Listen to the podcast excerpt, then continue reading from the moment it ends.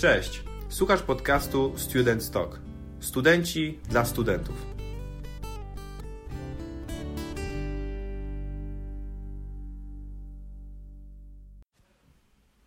Cześć wszystkim.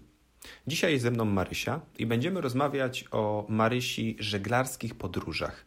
Począwszy od trzymiesięcznej e, wyprawy na Antarktydę, skończywszy na wyprawie dookoła świata. Zapraszam. Cześć Marysia, E, bardzo się cieszę, że mogę dzisiaj z Tobą porozmawiać. E, Mogę porozmawiać z osobą, która opłynęła cały świat i zrobiłaś to od razu po maturze. To jest pierwszy fakt. Kolejne, e, brałeś też udział w, brałaś też udział w trzymiesięcznej wyprawie na Antarktydę i dodatkowo miałaś okazję być prelegentką na przykład na TEDzie. Czy chciałabyś, Marysia, coś jeszcze dodać? Czy o, o czymś nie wspomniałem? E, Dzień dobry i cześć wszystkim. Znaczy wiesz co, jeśli chodzi o taką bardzo, e, bardzo krótki wstęp, to powiem Ci, że e, bardzo dobrze powiedziałeś wszystko na ten temat. A ja jestem osobą pełną różnych hobby, powiedzmy, więc jak ja bym miała sama mówić, to bym mówiła godzinami, więc może lepiej to skróćmy jakoś tak właśnie do takich krótszych wypowiedzi, tak jak teraz powiedziałeś. Dobra, okej. E, To chciałbym rozpocząć na temat Twojej podróży dookoła świata. To przykuło moją największą uwagę, bo zrobiłaś to w wieku 19 lat. E, Jak już Tak. wcześniej też rozmawialiśmy, wyjechałaś dwa dni po maturze i to było dla mnie też po prostu takim wielkim szokiem. E, Podróż dookoła świata, 10 miesięcy. Powiedz mi, jak wyglądało życie maturzystki, która podążała za swoją pasją? I może też jakbyś trochę opowiedziała o tym, jak to się w ogóle wszystko zaczęło. Ta pasja do żeglowania. To tak w bardzo dużym skrócie właśnie. E, U mnie to się zaczęło tak, że jak byłam mała, to zawsze wolałam drogę wodną niż lądową, że tak powiem. Czyli moi rodzice się śmieją, że wolałam skakać po kałużach niż jeść po suchym chodniku, kiedy padał deszcz. Albo na przykład, kiedy byliśmy nad morzem, no i było zimno, bo wiemy, że czasami nad naszym Morzem Bałtyckim jest dość zimno. No to mm, ja pomimo wszystko tak lubiłam wodę, że zawsze wchodziłam do niej, tak? Mm, tak naprawdę to jakby spowodowało, że ja bardzo dużo sportów wodnych uprawiałam. Czyli trenowałam pływanie, wioślarstwo, w pewnym momencie żeglarstwo. Jak miałam 9 lat, to popłynęłam, znaczy, znaczy, może inaczej. Zaczęło się od takich małych, dużo mniejszych rejsów niż na jakich się skończyło, prawda? Dlatego, że zaczęło się od obozów, zaczęło się od jakichś takich weekendowych wyjazdów. A potem to się rozszerzyło dużo bardziej w momencie, kiedy i tutaj jest pierwszy taki duży punkt zwrotny. To chciałam się dostać do, akademii, do szkoły pod żaglami kapitana Baranowskiego. I ja wtedy byłam w momencie, kiedy trenowałam pływanie. Byliśmy przed, przed, mistrzostw, przed e, Mistrzostwami Polski i wylądowałam w szpitalu na dwa miesiące. Ponieważ. A Kiedy to e, było? Kiedy to było? Ile lat miałeś wtedy? Oj, z 13, 14 jakoś tak. E, Ale powiedz mi, to, ta szkoła to była taka trochę, nie wiem, podstawówka, gimnazjum? Gimnazjum chyba. Chyba początek gimnazjum. Ale w każdym razie em, ja wylądowałam w szpitalu, bo się okazało e, po zgrupowaniu przed e, mistrzostwami, że dostałam gorączki, nie byłam w stanie w ogóle wstać. Jakby osoba, która dopiero co wraca ze zgrupowania, po którym powinna się dużo lepiej czuć i silniej, prawda? To nagle ma zupełnie odwrotny efekt. No i wylądowałam na dwa miesiące w szpitalu. Mm, okazało się, że miałam torbiele na jajnikach, ale w takim zaawansowanym stadium. E, nie miałam ich wycinanych, tylko miałam je leczone lekami.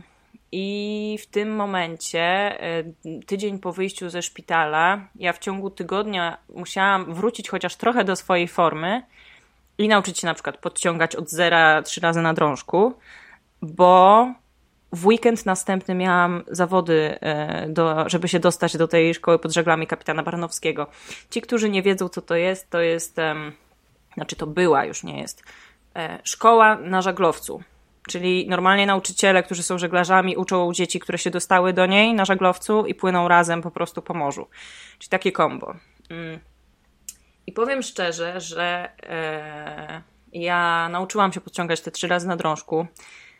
Zrobiłam, powtórzyłam swoją życiówkę pływacką, ale nie znoszę biegać. I źle mi poszło bieganie wtedy.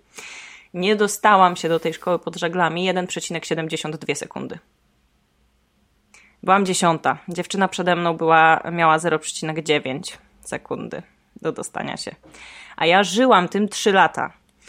I to był taki punkt zwrotny bardzo duży, mm. bo no ja, no, wiadomo, jak coś czegoś bardzo chcesz i to się nie udaje, no to nagle. Mm. I e, moi rodzice zamiast mnie wysłać na obóz narciarski e, zimą, to stwierdzili, że dokładnie za takie same pieniądze pojadę sobie na wyjazd y, właśnie na żaglowcu. No i nikogo nie znając, e, pojechałam tam w styczniu e, w styczniu 2014 roku, ja miałam 15 lat, mieliśmy jeszcze przez notariusza podpisane, że opiekę jakby nade mną będzie sprawować kapitan. I to był mój pierwszy rejs i teraz uwaga, na którym kiedy wypłynęliśmy, to się odwrócił sztorm i od razu w nas uderzył, po czym na samym końcu mieliśmy akcję ratowniczą, bo dwie czerwone flary zobaczyliśmy i 40 ludzi patrzyło gdzie są ci ludzie, którzy wzywają pomocy. Ale za tym się ciągnie w ogóle jeszcze, proszę Państwa, dłuższa historia, ponieważ okazało się, że um, no, czerwone flary oznaczały zupełnie co innego niż na morzu się normalnie oznacza czerwonymi flarami.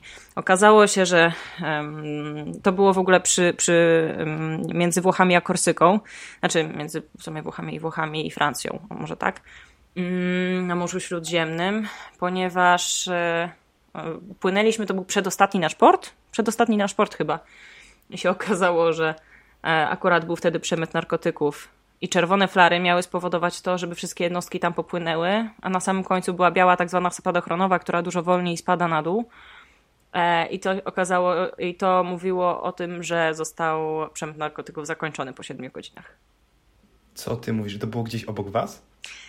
E, tak, no myśmy nadzorowali prawie tą, nadzorowaliśmy, ponieważ jako pierwsi byliśmy na miejscu.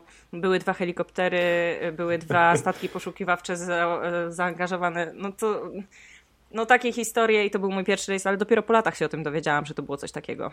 I przypomnij, Naprawdę. 15 lat miałaś wtedy. Tak. no i jak to... Te, te, Styczeń 2014. I teraz jak to wspominasz? Nie, ja to bardzo pozytywnie wspominam, bo ja się bardzo dużo wtedy nauczyłam. Nauczyłam się. Um, tak, y, stałam za sterem w trakcie sztormu, ledwo co i prawie zrobiłam zwrot całym żaglowcem. Zaczęło się od naprawdę takiego wyjścia na głęboką wodę, jeśli chodzi o takie większe jednostki. I, I potem po prostu z czasem, i tak naprawdę ten 2015 rok był bardzo takim dużym wyznacznikiem tego, um, jak później u mnie poszło, ponieważ tego samego roku zaczęłam żeglować już bardzo, bardzo, bardzo intensywnie. Czyli zaczęłam pływać tak. W tym samym roku byłam właśnie na Pogori, na, e, to jest taka jednostka polska, mm, na Pogori w styczniu. Potem byłam na Zawiszy Czarnym dwa razy w Norwegii. Potem byłam, a potem się dostałam, i teraz uwaga, wcześniej mówiłam o szkole pod żaglami kapitana Baranowskiego, a ta szkoła została przejęta przez innego, znaczy statek został przez innego armatora przejęty który e, kontynuuje tę, że tak powiem, szkołę, tylko w inny sposób. Niebieska Szkoła pod Żeglami, e, która co roku wypływa i teraz też płynie na Chopinie. To jest kolejny, e, kolejna jednostka. I ja byłam tam e, grudzień, styczeń, chyba tak. Ja już nawet nie pamiętam dat, ale grudzień, styczeń jakoś na przełomie wtedy właśnie 2014-15 roku. I no i to było moje pierwsze przejście przez Atlantyk. I też mieliśmy akcję ratowniczą, bo SOS e, nadało, nadała polska jednostka, czy tam e, kapitan był polski albo instruktor, już nie pamiętam. Chyba, chyba w ogóle obydwaj byli.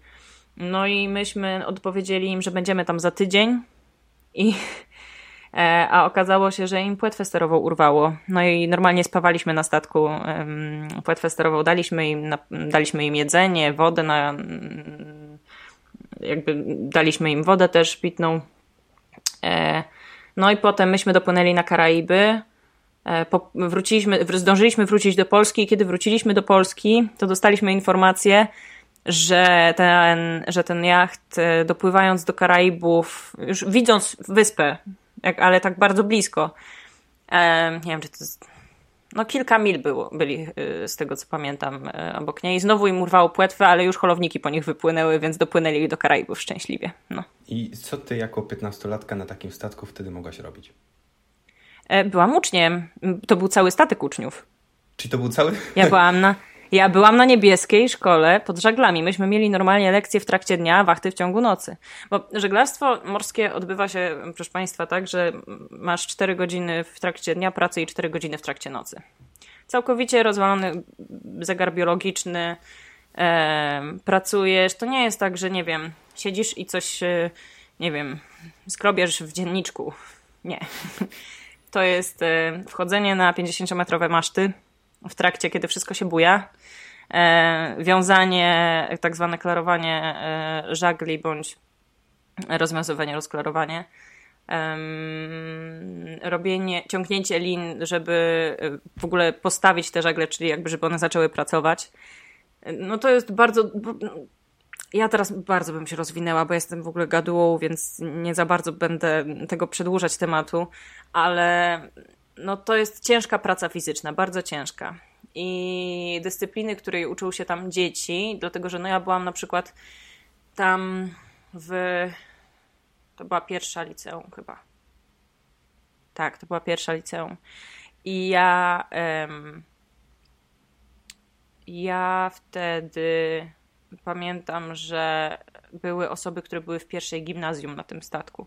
To było zupełnie inne podejście jakby do rzeczywistości tych małych dzieci versus trochę starszych, więc um, oficer, tam oficerowie, kapitan i e, nauczyciele, wszyscy jakby mieli swoje role, prawda? Znaczy to na każdym statku tak jest, ale ci nauczyciele też byli żeglarzami. Większość z nich.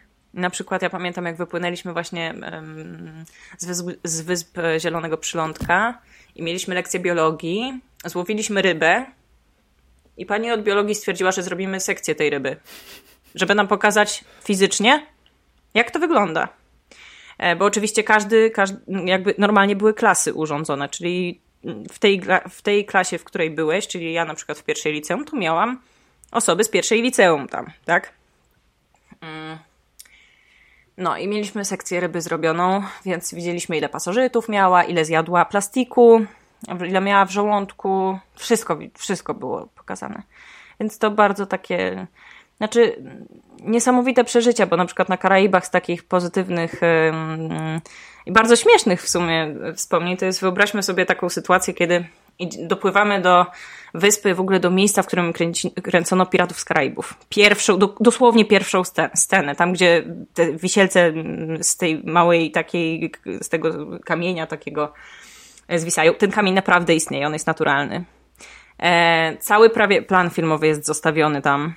I kiedy wpływamy, to taki mm, pan z Karaibów, który po polsku ma ksywkę Antek, ogromną polską flagą e, macha, prawda, na przywitanie, bo uwielbia Polaków, bo tam dużo Polaków w ogóle pływa.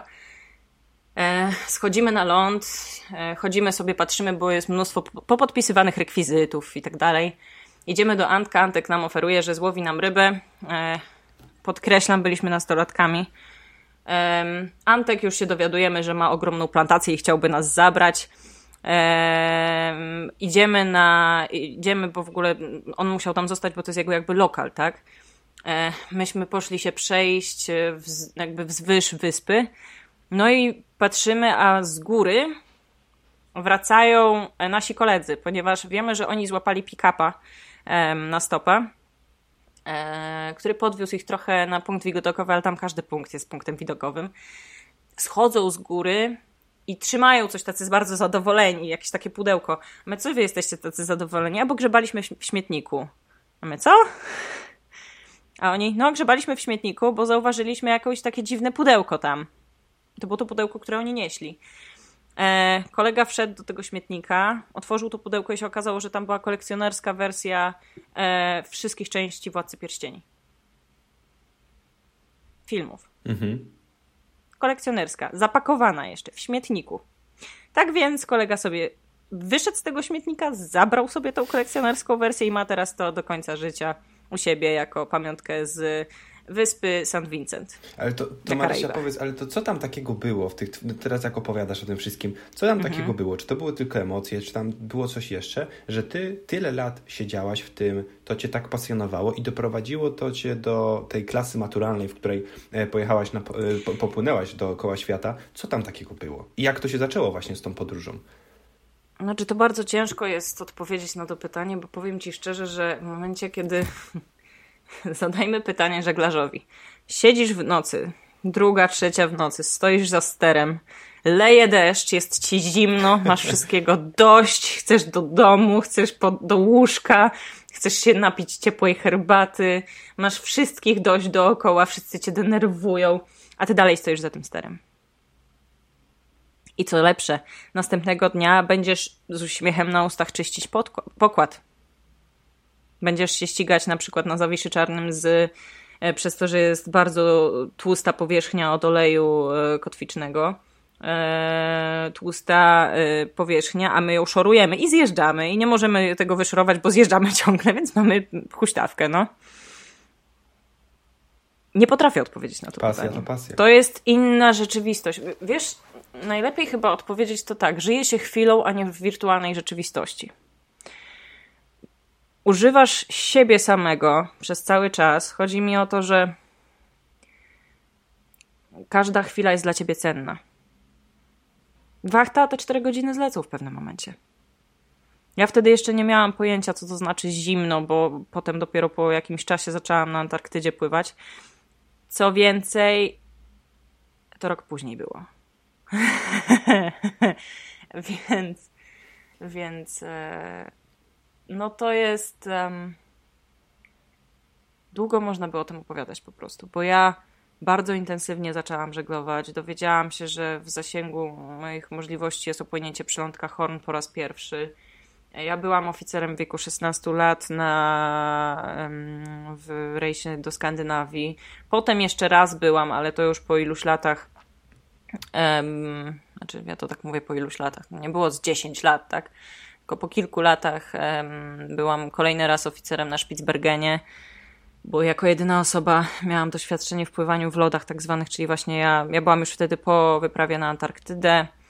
Tego samego roku tak naprawdę, to było 2017, 16-17, tak? Listopad 2016 zaczęliśmy wyprawę na Antarktydę i e, skończyliśmy ją następnego roku, w styczniu, chyba pod koniec stycznia. I potem w wakacje nasze, bo chcę tylko podkreślić, że Antarktyda to tam na południu, a Arktyka to północ. No i tego samego roku popłynęłam jeszcze raz na północ. Hmm, tego samego, czy rok później, Jakoś tak. Ja już naprawdę nie pamiętam, ale popłynęłam właśnie i spotkałam tą samą osobę, która wcześniej stacjonowała na, na stacji naszej Arstowskiego na Antarktydzie i się śmialiśmy, że właśnie z Przemkiem się zobaczyliśmy. Nie, to jest, mm, to jest bardzo mały światek tak naprawdę i odpowiedzieć, co jeszcze temu towarzyszyło, towarzyszyło to, że dopływamy do miejsc, do których normalnie się nie można dostać. Nikt nie ma dostępu. Tylko nie można się dostać autem, jest to zupełnie inny mhm. świat, poznajesz różne kultury, e, ludzi. Ja znalazłam pięciotysięczny przed, między 2 a 5 tysięcy przedmiot z Indian plemienia Yamana w Argentynie, w, na ziemi e, ognistej, po prostu bawiąc się z psami. Więc to jest, jest tyle tych um, rzeczy, które się przeżyło dzięki temu, jest tyle historii i poznało się tylu ludzi wspaniałych. Oni, każdy, każdy z nas ma swoją indywidualną historię, każdy z nas jest w jakiś sposób inny. I, i przekazać to wszystko jest. Y, to były emocje, to było, to było dorastanie dużo szybsze, bo bierzesz odpowiedzialność nie tylko za siebie. Tam jest od, każdy z nas ma odpowiedzialność za siebie, ale też za całą grupę. To nie jest tak, że ty jesteś indywidualną jednostką wtedy. Oczywiście, że zupełnie inaczej to wygląda dla kapitana, komendanta, który jest po prostu najważniejszy tam, ale to ludzie pracują. On bez tego, on, on jeżeli nie, nie będzie dobrze zarządzać, może tak powiedzmy, to to nie zadziała. Bo ludzie wiedzą, że mają obowiązek. To oczywiście. I może czasami tylko z obowiązku będą coś takiego robić. Ale oni zawsze mogą zejść i wrócić do domu. Zejść w którymś z sportów i wrócić do domu. Więc tylko na własny koszt. no. E, oczywiście to inaczej wygląda w przypadku Antarktydy bądź w ekspedycyjnych wypraw, no bo to, że tak powiem, to nie są już miejsca, w których y, znajdzie się ktoś, kto cię zabierze albo na lotnisko, albo gdzieś indziej, bo to jest już zupełnie inna kwestia, prawda? To już jest e, mm, żeglowanie przy, mm, przy wiatrach, które są powyżej skali Beauforta, to jest e, to są miejsca, które są owiane legendami. Tam są już tylko stacje albo wojskowe, albo naukowe i to raz na dwa tygodnie, powiedzmy, tam rządzi natura. Oczywiście ja tutaj teraz mówię o Antarktydzie, która jest no, zupełnie innym wszechświatem. To ja to. Jak zaczynałam wyprawę tam, mm, ponieważ raz byłam tam na przylądku Horn, y, który opłynęłam, a potem e, w wieku 16 lat, y, przed moimi 17 urodzinami, które były następnego dnia, a, czy tam dwa dni później, a a drugi raz właśnie opłynęłam go, jak byliśmy na, tam na wyprawie na Antarktydę w setną rocznicę wyprawy Sir Ernesta Shackletona, który tak e, notabene e, w tym roku, 100 lat po jego śmierci, e, znaleziono jego statek, który zatonął i bardzo zachęcam do zapoznania się z tym, bo jak ja już o tym zacznę rozmawiać, to się skończy cały podcast, ponieważ nie starczy nam czasu, więc Zachęcam do, do poczytania sobie o jego historii. Jest jedna jedna książka o tym wydana, znaczy taka bezpośrednio z jego dzienników, Południe. E, Sir Ernest Shackleton, tak tylko dwa zdania dosłownie. On mógł być pierwszą osobą, która dotrze do bieguna południowego. Potem mógł być pierwszą osobą z całą wyprawą, która przejdzie cały kontynent antarktyczny. I za każdym razem e, zawracał swoich ludzi, żeby nie umarli ze względu na głód. A w tej ostatniej wyprawie, na której Endurance utknęła w paku lodowym, no to po prostu już z niej nie wyszła. No i e, ocalił wszystkich swoich ludzi. Dopłynęli na szalupach ratunkowych do Wyspy Słoniowej. On potem zabrał kilku swoich załogantów, żeby przepłynąć najgorszy odcinek na świecie między Wyspą Słoniową a e, Georgią Południową. Tam są największe sztormy. E, dopłynęli tam po dwóch tygodniach chyba, z tego co dobrze pamiętam. E, przeszli przez góry nie mając nic, wbijając sobie gwoździe w buty jako prowizoryczne raki i biorąc liny z szalupy ratunkowej. Przeszli przez góry, dotarli do stacji wielorybników, którzy im pomogli i wcześniej też jakby oni też byli ostatnim przystankiem przed przed y, dotarciem na Antarktydę.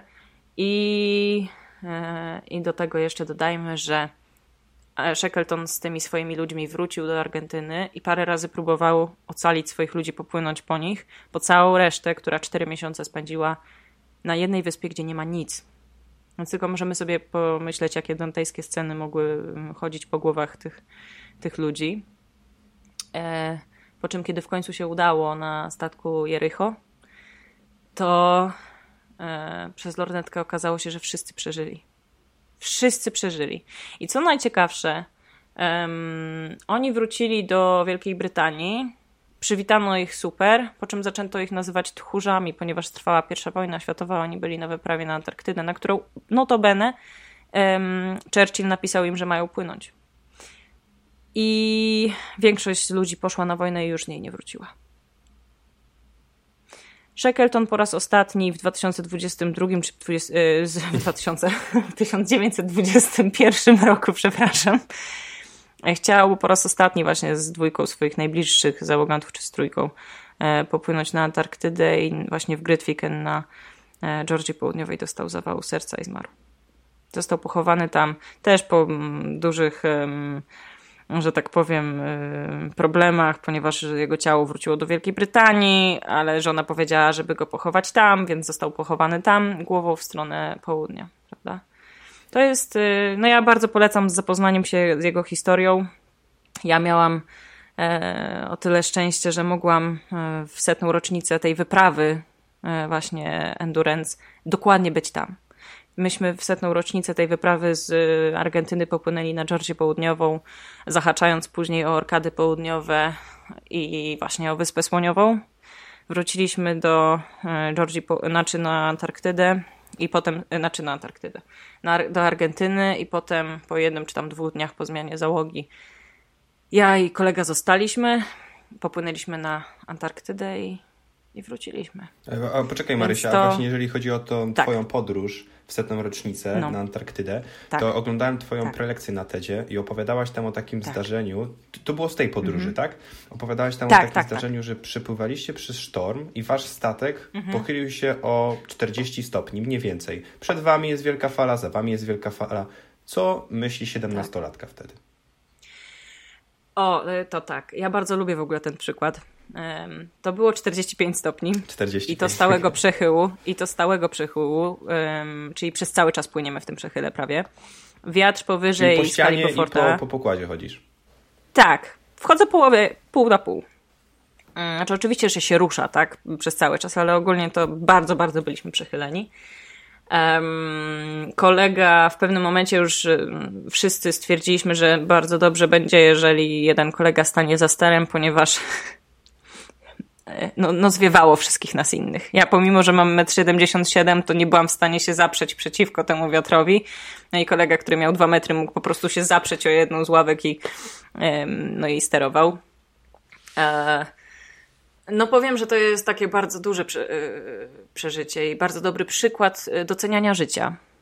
Niezależnie od tego, w jakiej sytuacji jesteśmy, spróbujmy doceniać małe rzeczy i pomyślmy sobie o tym, co było i kogo mamy i kto w naszym życiu uczestniczy i kto nie. No i różne takie rzeczy. Bardzo egzystencjalnie wtedy myślałam.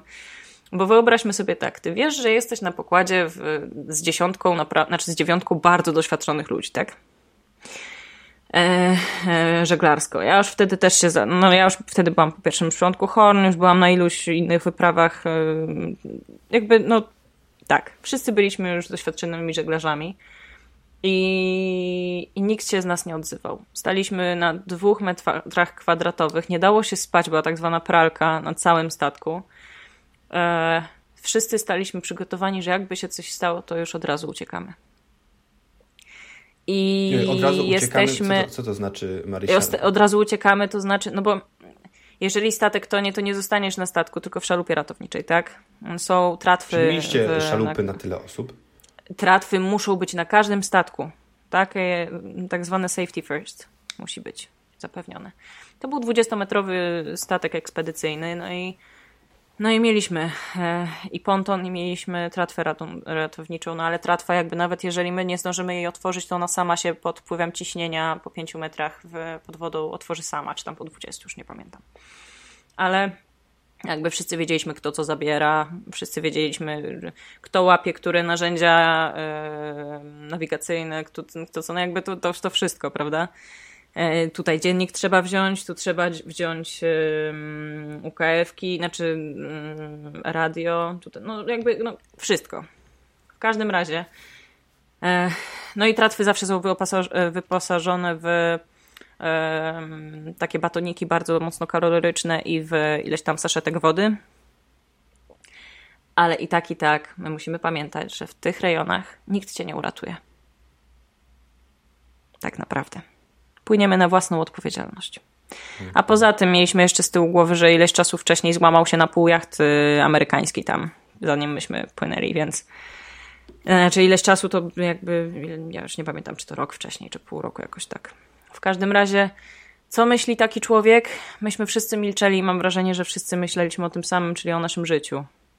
Że jakby się skończyło, kogo byśmy zostawili, przemyśleliśmy chyba całe swoje życie, co moglibyśmy jeszcze zrobić e, czego żałujemy, co doceniamy, różne takie rzeczy. Jakby trudno jest naprawdę to sobie wyobrazić, prawda? Ale przyszedł kolejny dzień. E, dopłynęliśmy, widzieliśmy już przylądek Horn. No, pamiętam, ja, ja na akurat wschodzie, w trakcie wschodu słońca e, sterowałam.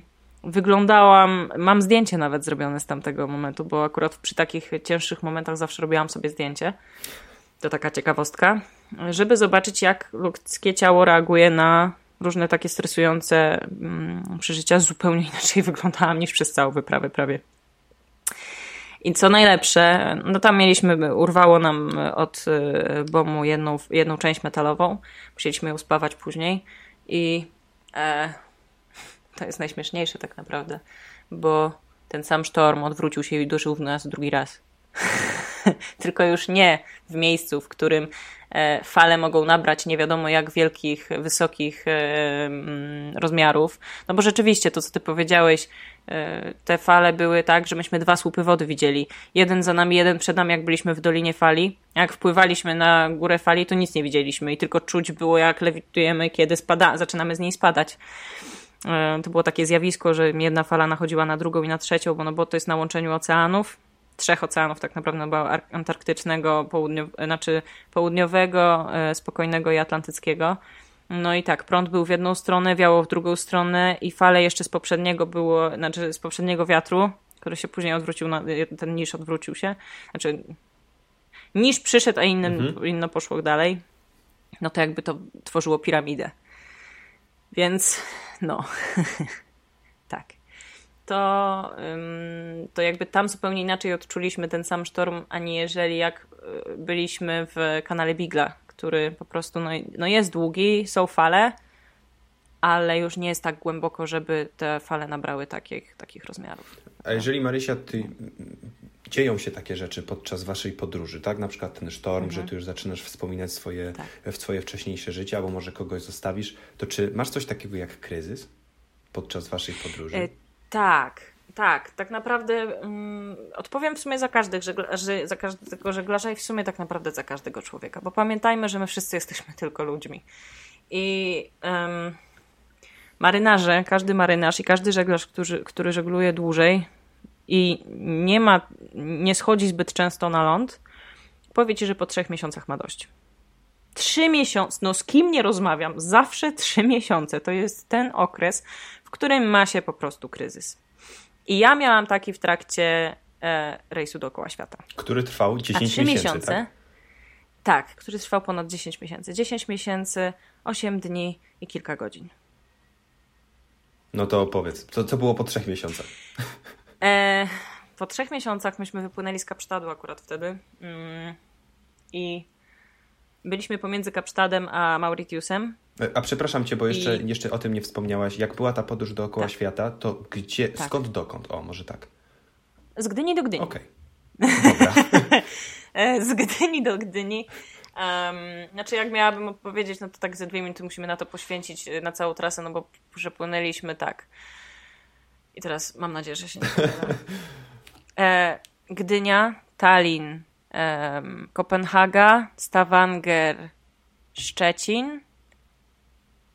I wtedy później idziemy do Niemiec, bo nie pamiętam, w którym porcie staliśmy. Bo chyba nie było to w Kilonii, bo w Kilonii byliśmy na innym. W Köln staliśmy dwa razy kiedy indziej. Nieważne. W Bremerhaven staliśmy, dziękuję. Sobie swój mózg przypomniał. E, w Bremerhaven staliśmy w Niemczech, potem popłynęliśmy do e, Francji. E, też nie pamiętam już nazwy tego miasta, przepraszam. Wiem, jak to brzmi, ale to naprawdę jakby. Może inaczej. Ten rejs dookoła świata był najbardziej e, trudny ze względu na jego długość i na to, ile tam ludzi było. Mhm. A wcale nie na to, jak żeglarsko to wypadało. Bo dla mnie największym wyzwaniem była Antarktyda i na przykład e, Spitsbergen, na którym ja miałam jeszcze zmiażdżony palec, e, bo byłam po wypadku, a e, no Antarktyda to wiadomo. Ale dobra, wróćmy do tematu. Francja, potem Wyspy Kanaryjskie, potem um, Senegal, potem Kapsztad, Mauritius, um, Jakarta, Singapur, Hongkong, Osaka, San Francisco, Los Angeles, Meksyk, Panama, Kolumbia, chyba też Wyspy Kanaryjskie. Okej. Okay. Chyba. E, no i e, Wielka Brytania, Londyn i Gdynia. I zamknęliśmy koło o godzinie 21 ileś w kanale La Manche. Ja akurat nie spałam i jestem z tego bardzo wdzięczna, bo widocznie moja podświadomość wiedziała, że to już się jakoś teraz stanie.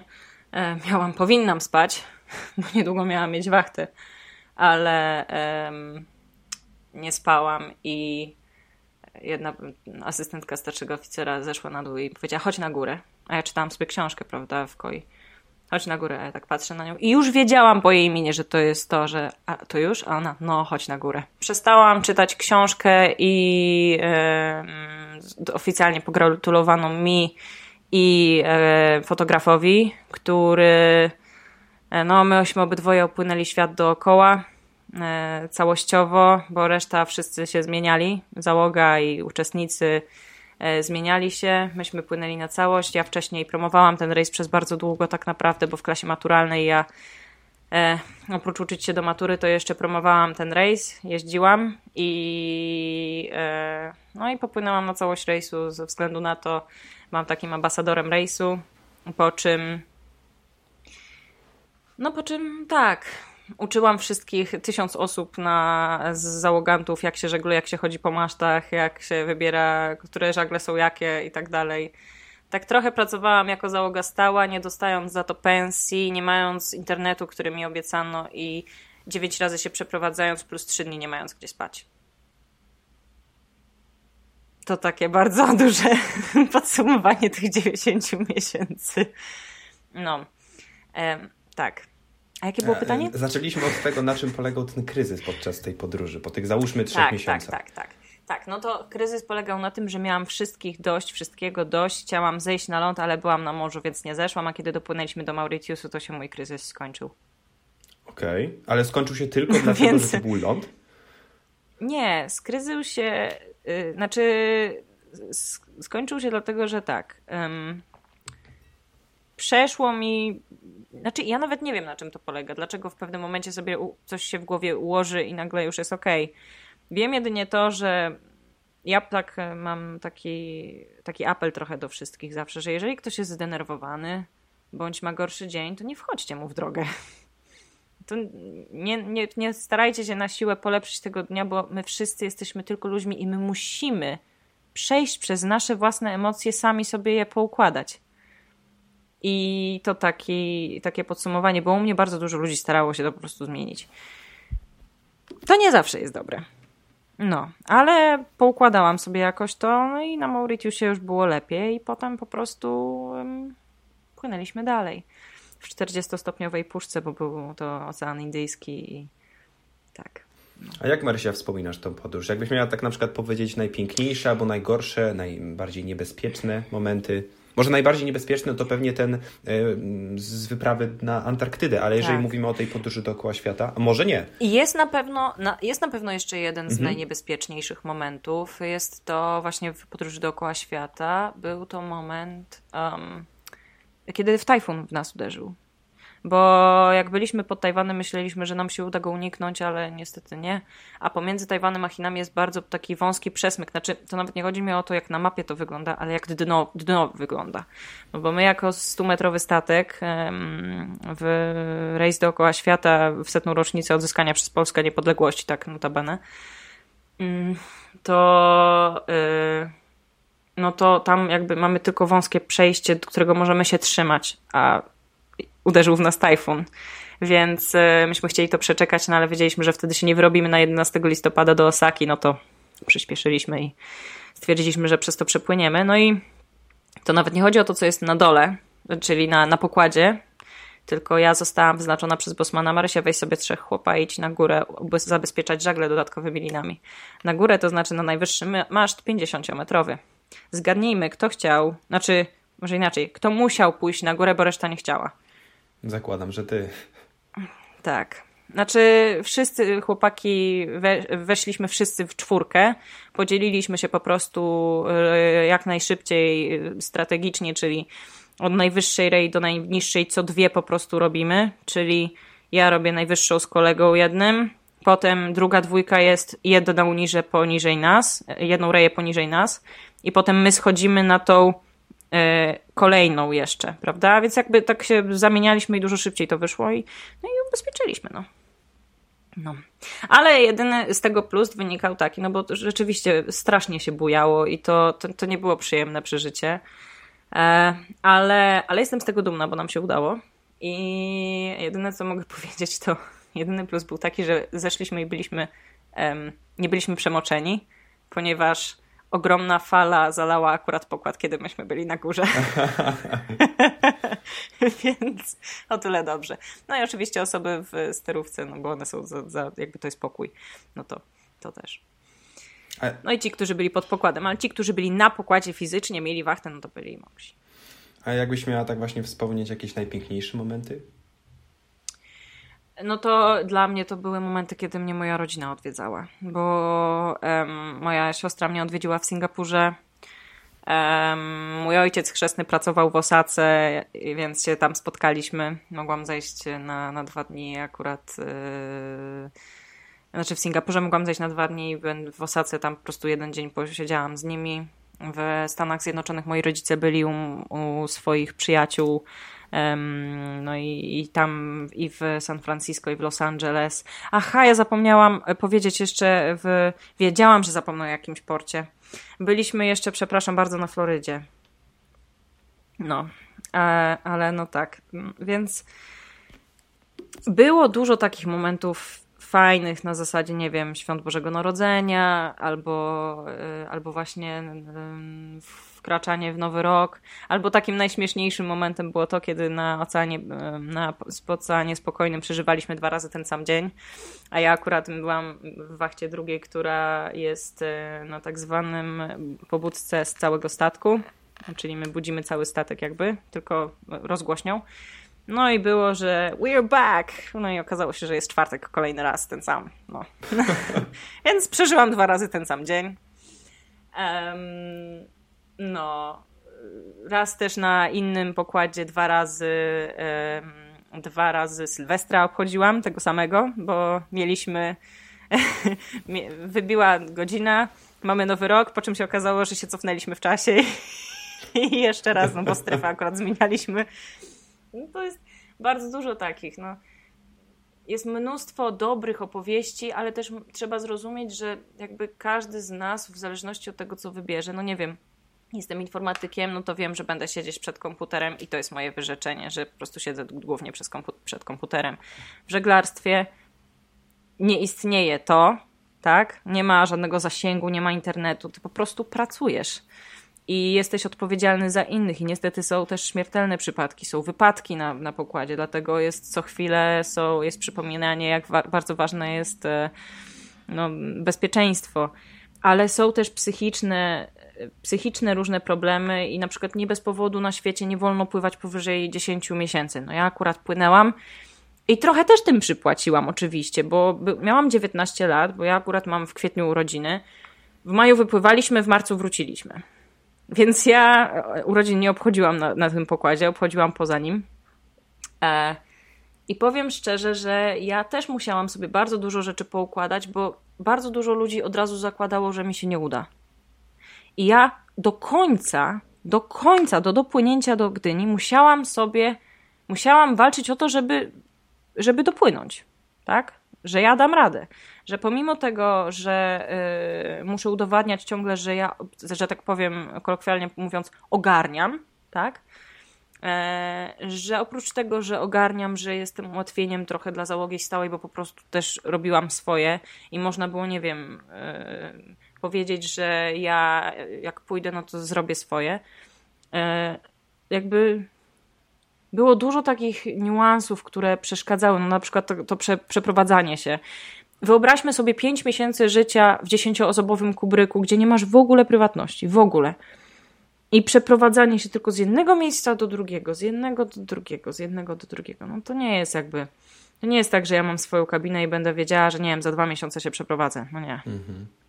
Więc no. E, oczywiście miałam swoją kabinę, ale też ją dzieliłam z innymi ludźmi. To jest wszystko na tyle e, istotne, kiedy płyniesz na tak długo, że na pewno było, znaczy ja przynajmniej na pewno bym inaczej, e, może nawet nie reagowała, tylko funkcjonowała na tym, na tym statku, byłabym może bardziej wypoczęta, nie jeżeli bym, nie wiem, właśnie miała tą swoją kabinę, tak jak fotograf miał. Pomimo, że on nie musiał pracować, nie musiał chodzić do żagli ani niczego takiego. Więc to na pewno, ale bardzo dużo mnie ten rejs nauczył i takiego, znaczy w ogóle żeglarstwo bardzo klasyfikuje, jakimi ludźmi, ludźmi ludzie są. I, i to trzeba przyznać, że, że zupełnie inni są na, lodzie, na lądzie, zupełnie inni są na wodzie, ale woda bardzo szybko klasyfikuje i w pewnym momencie już wiesz po prostu, jakimi są ludźmi. No. O tym można opowiadać bardzo No właśnie, Marysia, to też chciałam tutaj taką kwestię poruszyć, że ty żeglowałaś wiele lat, potem miałaś tą podróż i na Antarktydę, potem na e, tą, tą, tą podróż dookoła świata. To była klasa maturalna. Skończyłaś maturę, mhm. poszłaś na studia, minęły trzy lata, już nie żeglujesz. Dlaczego? Dlaczego mhm. zostawiłaś to? To może tak. E, to może tak. Zróbmy, może ja tak chronologicznie przejdę przez to.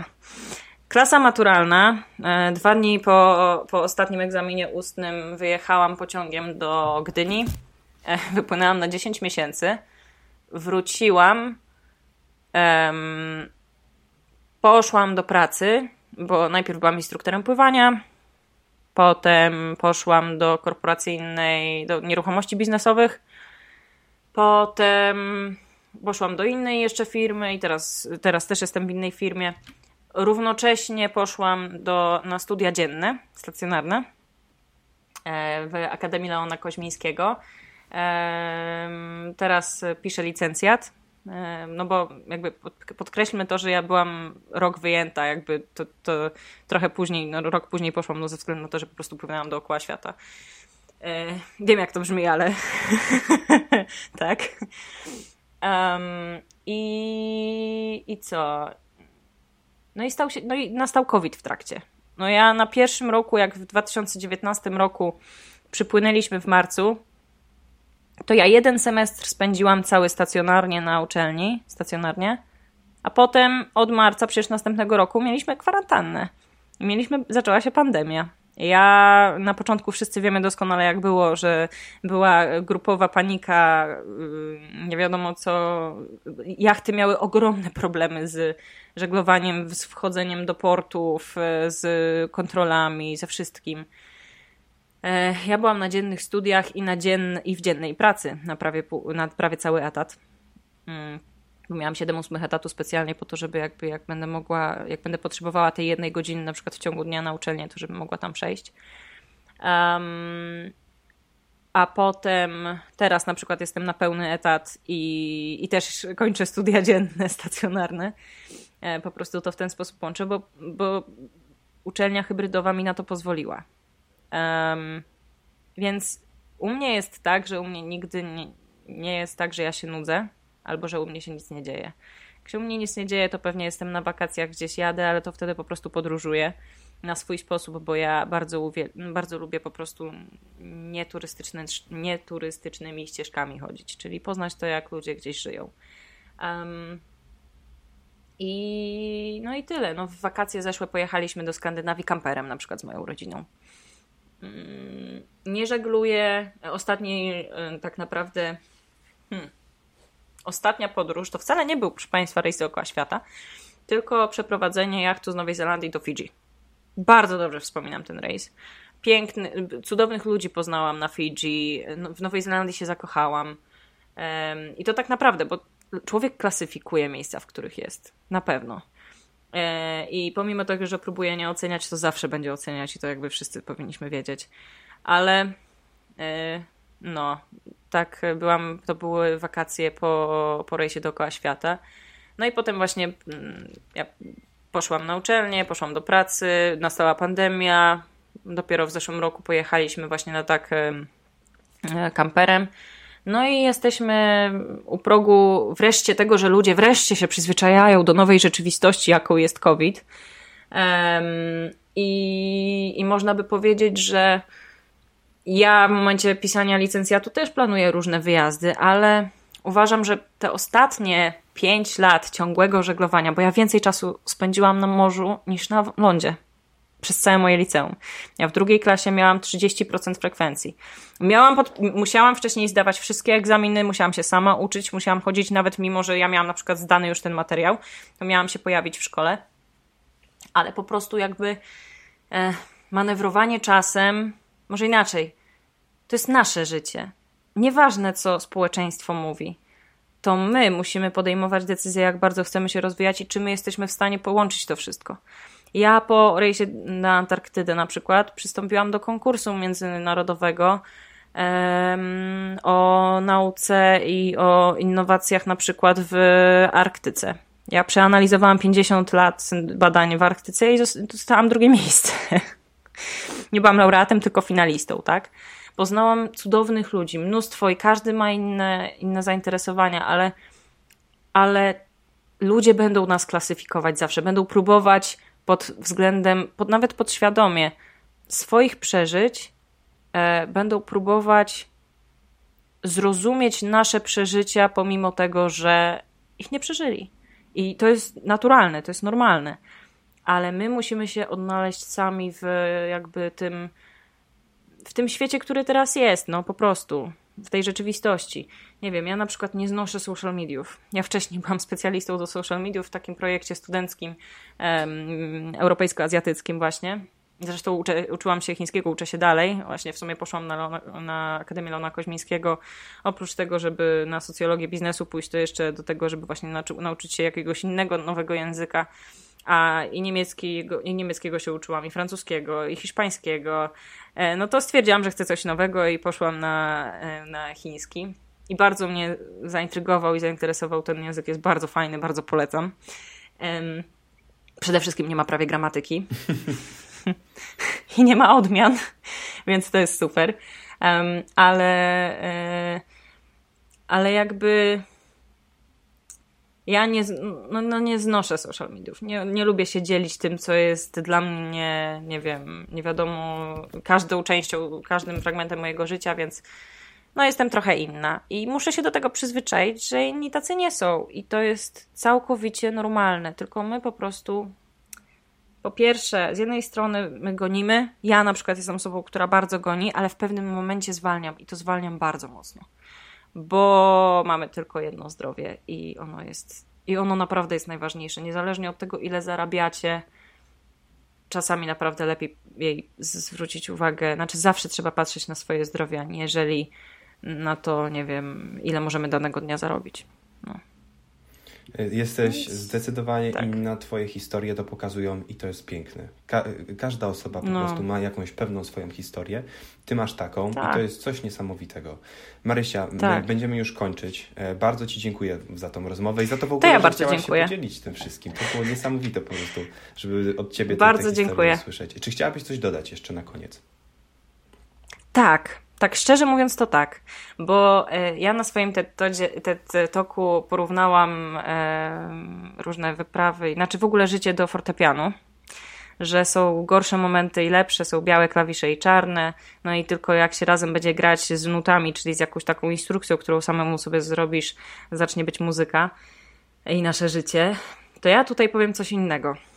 E, to tak przypomniałam, ale chcę jeszcze powiedzieć jedną rzecz, że niektóre historie ludzie opowiadają po to, e, nie tylko, żeby się nimi podzielić, nie wiem, w pustym tym słowa znaczeniu. Tylko ja bardzo lubię podkreślić to w taki sposób. Mm, ludzie mądrzy uczą się, uczą się na własnych błędach, ludzie sprytni uczą się na cudzych błędach, a ludzie głupi nie uczą się wcale. Ja na przykład bardzo lubię opowiadać historie po to, żeby um, nauczyć i zwrócić uwagę na podstawie moich błędów bądź moich wypraw innym ludziom, żeby po prostu tego nie musieli przeżywać na własnej skórze. No. Super. Więc tak. Bardzo Ci jeszcze raz Ci dziękuję. Bardzo Marysia, dziękuję. I do usłyszenia. Dzięki, do usłyszenia.